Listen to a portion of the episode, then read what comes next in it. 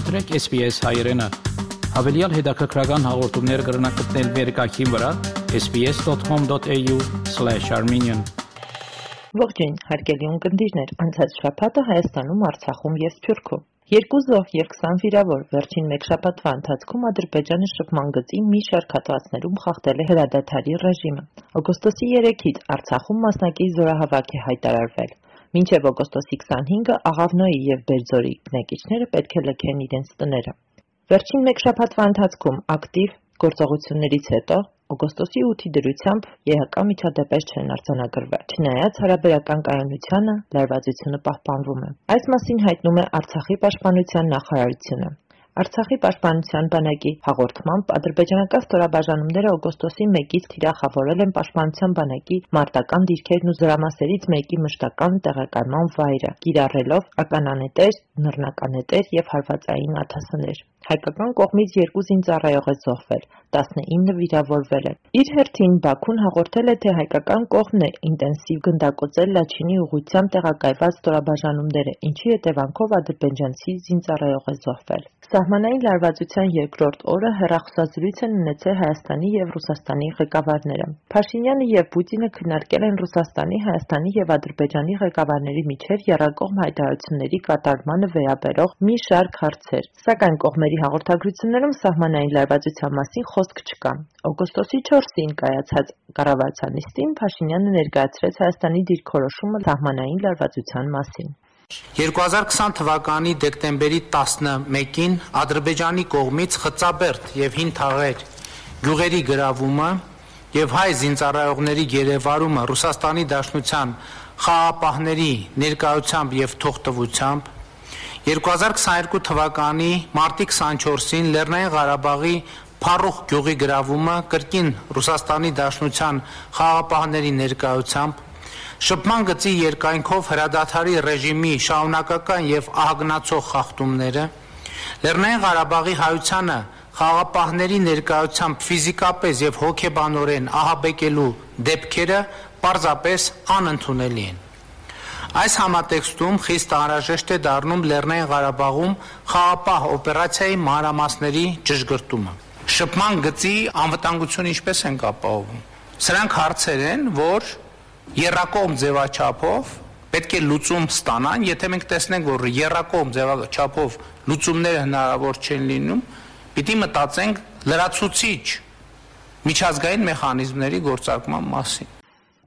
Արցախում տեղակայված ռուսական խաղապահ կոնտինգենտի հրամանատար Անդրեյ Վոլկովի հետ հանդիպումից հետո դրա մասնակիցներն ու մի խումբ քաղաքացիներ Ստեփանակերտի վերածննդի հրապարակում բողոքի ակցիա կազմակերպեցին։ Ակցիայի մասնակիցները ողջել էին Խաղապահներ, որտե՞ղ է ձեր խոստացած խաղաղությունը, պահանջում ենք հետևել նոյեմբերի 9-ի հայտարարությանը, դրությամբ պաստառներ։ Պարզվում է խաղապահները չունեն ոչ միջոցներ, ոչ թվական եւ անգամ լիազորություն, որ այստեղ պահպանեն արժանապատիվ խաղաղություն։ Խաղապահների լիազորությունները մի կերպ բավարարում են իրենց ինքնապաշտպանությանը, այն էլ ոչ լիարժեք հայտարարեց հավաքը գլխավորող ընդդիմադիր Արցախի հեղափոխական կուսակցության նախագահ Արթուր Օսիպյանը։ Մենք նշել ենք մեր կարմիր գծերը։ Եթե մենք արդեն ունենք զոհեր, մենք ունենք տարածքային կորուստներ, մենք լռելու որևիցե նպատակ չունենք։ Եթե դուք չեք կարող ապահովել ստեղի խաղաղ կյանքը, ուրեմն դուք պետքա հայտարարեք դա։ Եթե դուք չհայտարարեք, մենք ենք հայտարարելու։ Հայաստանի վարչապետը օգոստոսի 4-ին կառավարության նիստում հանձնարարեց Ազգային անվտանգության ծառայության տնօրենին եւ Պետական եկամուտների կոմիտեի նախագահին ապահովել, որ ադրբեջանական կողմը կարողանա անարգել անցնել Հայաստանի տարածքով դեպի Նախիջևան։ Միաժամանակ ընդգծեց Փաշինյանը, դա պիտի լինի Հայաստանի Հանրապետության օրենսդրությամբ սահմանված կարգով։ Մենք ամեն օր պատրաստ ենք այդ կապը ապահովել։ Դա Ադրբեջանն է, որ չի օգտվում մեր ընձեռած հնարավորություններից Մենք այսօր էլ ասում ենք Հայաստանի Հանրապետության օրենսդրությամբ սահմանված կարգով, ինչպես կարգն է, եկեք հատեք Հայաստանի սահմանը գնացեք Նախիջևան։ Հենց այսօր, ասել է վարչապետը։ Բաքվի պահանջին Հայաստանի անվտանգության խորհրդի քարտուղարն է անդրադարձել։ Արմեն Գրիգորյանը հայտարարել է, որ Արցախը Հայաստանի հետ կապող երթևեկությունը Լաչինի Միչանսկի փոխարեն այլ երթուղով կազմակերպելու Ադրբեջանի պահանջը լեգիտիմ չէ։ Հայաստանցի պաշտոնյան վկայակոչել է 2020-ի Փաշինյան-Պուտին-Ալիև եռակողմ հայտարարության 6-րդ կետը, որտեղ սահմանված են Լեռնային Ղարաբաղը Հայաստանին կապող Լաչինի միջանցքի ստեղծման եւ գործունեության հետ կապված հարցերը։ Հայաստանը որևէ պլանի համաձայնություն չի տվել, հետեւաբար Ադրբեջանի պահանջը լեգիտիմ չէ, ասել է ԱԽ քարտուղարը, նշելով, որ Հայաստանն արդեն իսկ առաջարկել է եռակողմ ձևաչափով համաձայնեցնել եւ ստորագրել պլանն ու համաձայնեցված ժամանակացույցով ու ճանապարհային քարտեզով գնալ առաջ։ Հայաստանն Արցախին կապող նոր ճանապարհը Սյունիքի Կորնիզորով է մտնելու Արցախի Բելձորի ենթաշրջանի գյուղեր, ապա Ստեփանակերտ։ Սակայն մինչ այդ ադրբեջանական կողմն իր բաժին ճանապարհահատվածը 32 կիլոմետր ավարտին է հասցնում, Հայաստանի կառավարությունը նախորդ շաբաթ նոր հայտարարեց, որ քարտեզագրման գործն է սկսում։ Արցախի սահմաններին իրավիճակի սրման եւ Բաքվի պահանջների պայմաններում հայկական կողմը հրատապշին տեխնիկա է տարել Կորնիձոր 11 կիլոմետր 750 մետր երկարությամբ նոր ճանապարհ պիտի կառուցվի, որի շինարարությունը կտևի շուրջ 1 տարի։ Սակայն մինչև շինարարության ավարտը Աղավնո եւ Բելձոր գյուղերի հրատապ տարհանման հարցն առաջացավ։ Բաքվի կողմից Լաչինի միջանցքը փակելուց հետո Աղավնոն հայտնվում է ադրբեջանական շրջափակման մեջ։ Աղավնոյում միանման կարմիր տանիքներով տներում ապրում են շուրջ 200 հոգի։ Մենք պարում էինք եւ կրկին կպարենք։ Աղավնոյի երեխաներն են գրել դպրոցի գունավոր պատին հենց այս շենքում էլ տեղեկացան։ Հեռանալու են մինչև օգոստոսի 25-ը։ Տարիների ընթացքում տուն-տեղ ենք ստեղծել, Արաքսի Գյոքչյանը չի պատկերացնում, եթե հեռանում են, ապա որ ուղղությամբ։ Նրանք, ովքեր կընտրեն Արցախի հանրապետության տարածքը, այնտեղ կստանան բնակարաններ, միջև բնակարան ստանալը ժամանակավոր կացարաններ կտեղավորվեն, ովքեր Հայաստանում նմանապես Հայաստանում եթե վերաբնակիչներ են կստանան սերտիֆիկատ տուն գնելու համար, ի ժամանակավոր միջև սերտիֆիկատի ստանալը վարձի փոխհատուցում կստանան ասաց Արցախի տարածքային կառավարման եւ ենթակառուցվածքների նախարար Հայկ Խանոմյանը։ Բնակիչները նաեւ հրահանգավորվել են տները թողնել անվնաս եւ անխախտ։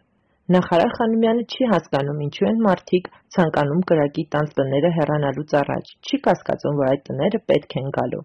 Ես վստահ եմ, որ մի օր վերադառնալու ենք այստեղ։ Դրա համար պետքա պետական կառույցներ ուժեղացնել, պետքա համապատասխան նպատակ դնել ու գնալ այդ նպատակի ուղղությամբ։ Ոչ թե մտածել թալանելու, քանդելու, չգիտեմ, վառելու մաս։ Սյունիքի մարզպետարանում ստեղծվել է աշխատանքային խումբ, ով այս օրերին քարտեզագրում է մարզի բնակավայրերում ազատ տները։ Գույքագրվող բնակֆոնդը արցախցիների համար է։ Սյունիքի բնակավայրերում պիտի բնակություն հաստատեն Աղավնոյի եւ Բելձորից տեղահանված ընտանիքները։ Նախնական տեղեկություններով խոսքը 114 ընտանիքի մասին է։ Ընդհանուր առմամբ 316 մարդ, որոնք առաջիկա օրերին իրենց բնակության վայրը լքելու են։ Այս մասին հայտնել է Սյունիքի մարզպետի տեղակալ Նարեկ Ղազարյանը։ Սյունիքի մարզպետի որոշմամբ ստեղծվել է աշխատանքային խումբ, որը զբաղվում է Բերձորի շրջանից Սյունիքի մարզ տեղափոխվող ընտանիքների խնդիրներով։ Խնդիրները տարբեր են, հիմնականում ունեն տեղափոխման խնդիր, կեցության խնդիր եւ կենցաղային այլ խնդիրներ։ Փորձելու ենք նաեւ կարգավորել նրանց աշխատանքի տեղավորման հարցերը։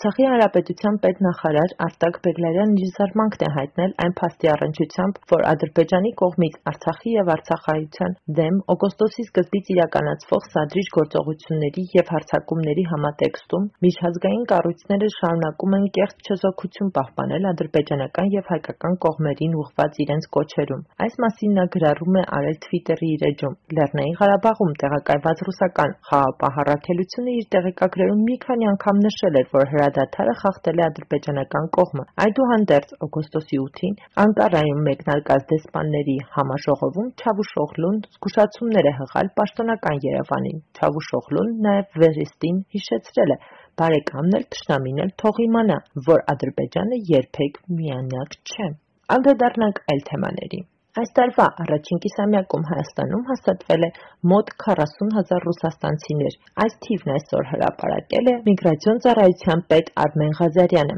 Առաջին եռամսյակի տարբերությունը 10 հազար է, առաջին կիսամյակի տարբերությունը 40 հազար։ Այսինքն ստացվում է, որ երկրորդ եռամսյակում մենք ունեցել ենք աճողական տենդենց, ասաց Արմեն Ղազարյանը։ Ըստ պաշտոնյայի նույն միտումը Ուկրաինայի եւ Բելարուսի քաղաքացիների պարագայում է, Օգոստոսի 5-ին Երևանի կինոյի տանը տեղի ունեցավ երջանկահիշատակ Արտակ Մովսիսյանի «Հայոց թագուհիները» գրքի հիման վրա նկարահանված «Հայոց թագուհիներ. նվիրյալները գիծ հանրամատչելի» ֆիլմի ցուցադրությունը։ Ֆիլմի ստեղծման աշխատանքները սկսվել էին դեռևս 2020 թվականին Արտակ Մովսիսյանի, ռեժիսոր Արտակ Ավդալյանի և այլ նվիրյալների կողմից, սակայն ֆիլմի սցենարիստ Մովսիսյանի անժամանակ մահվանից հետո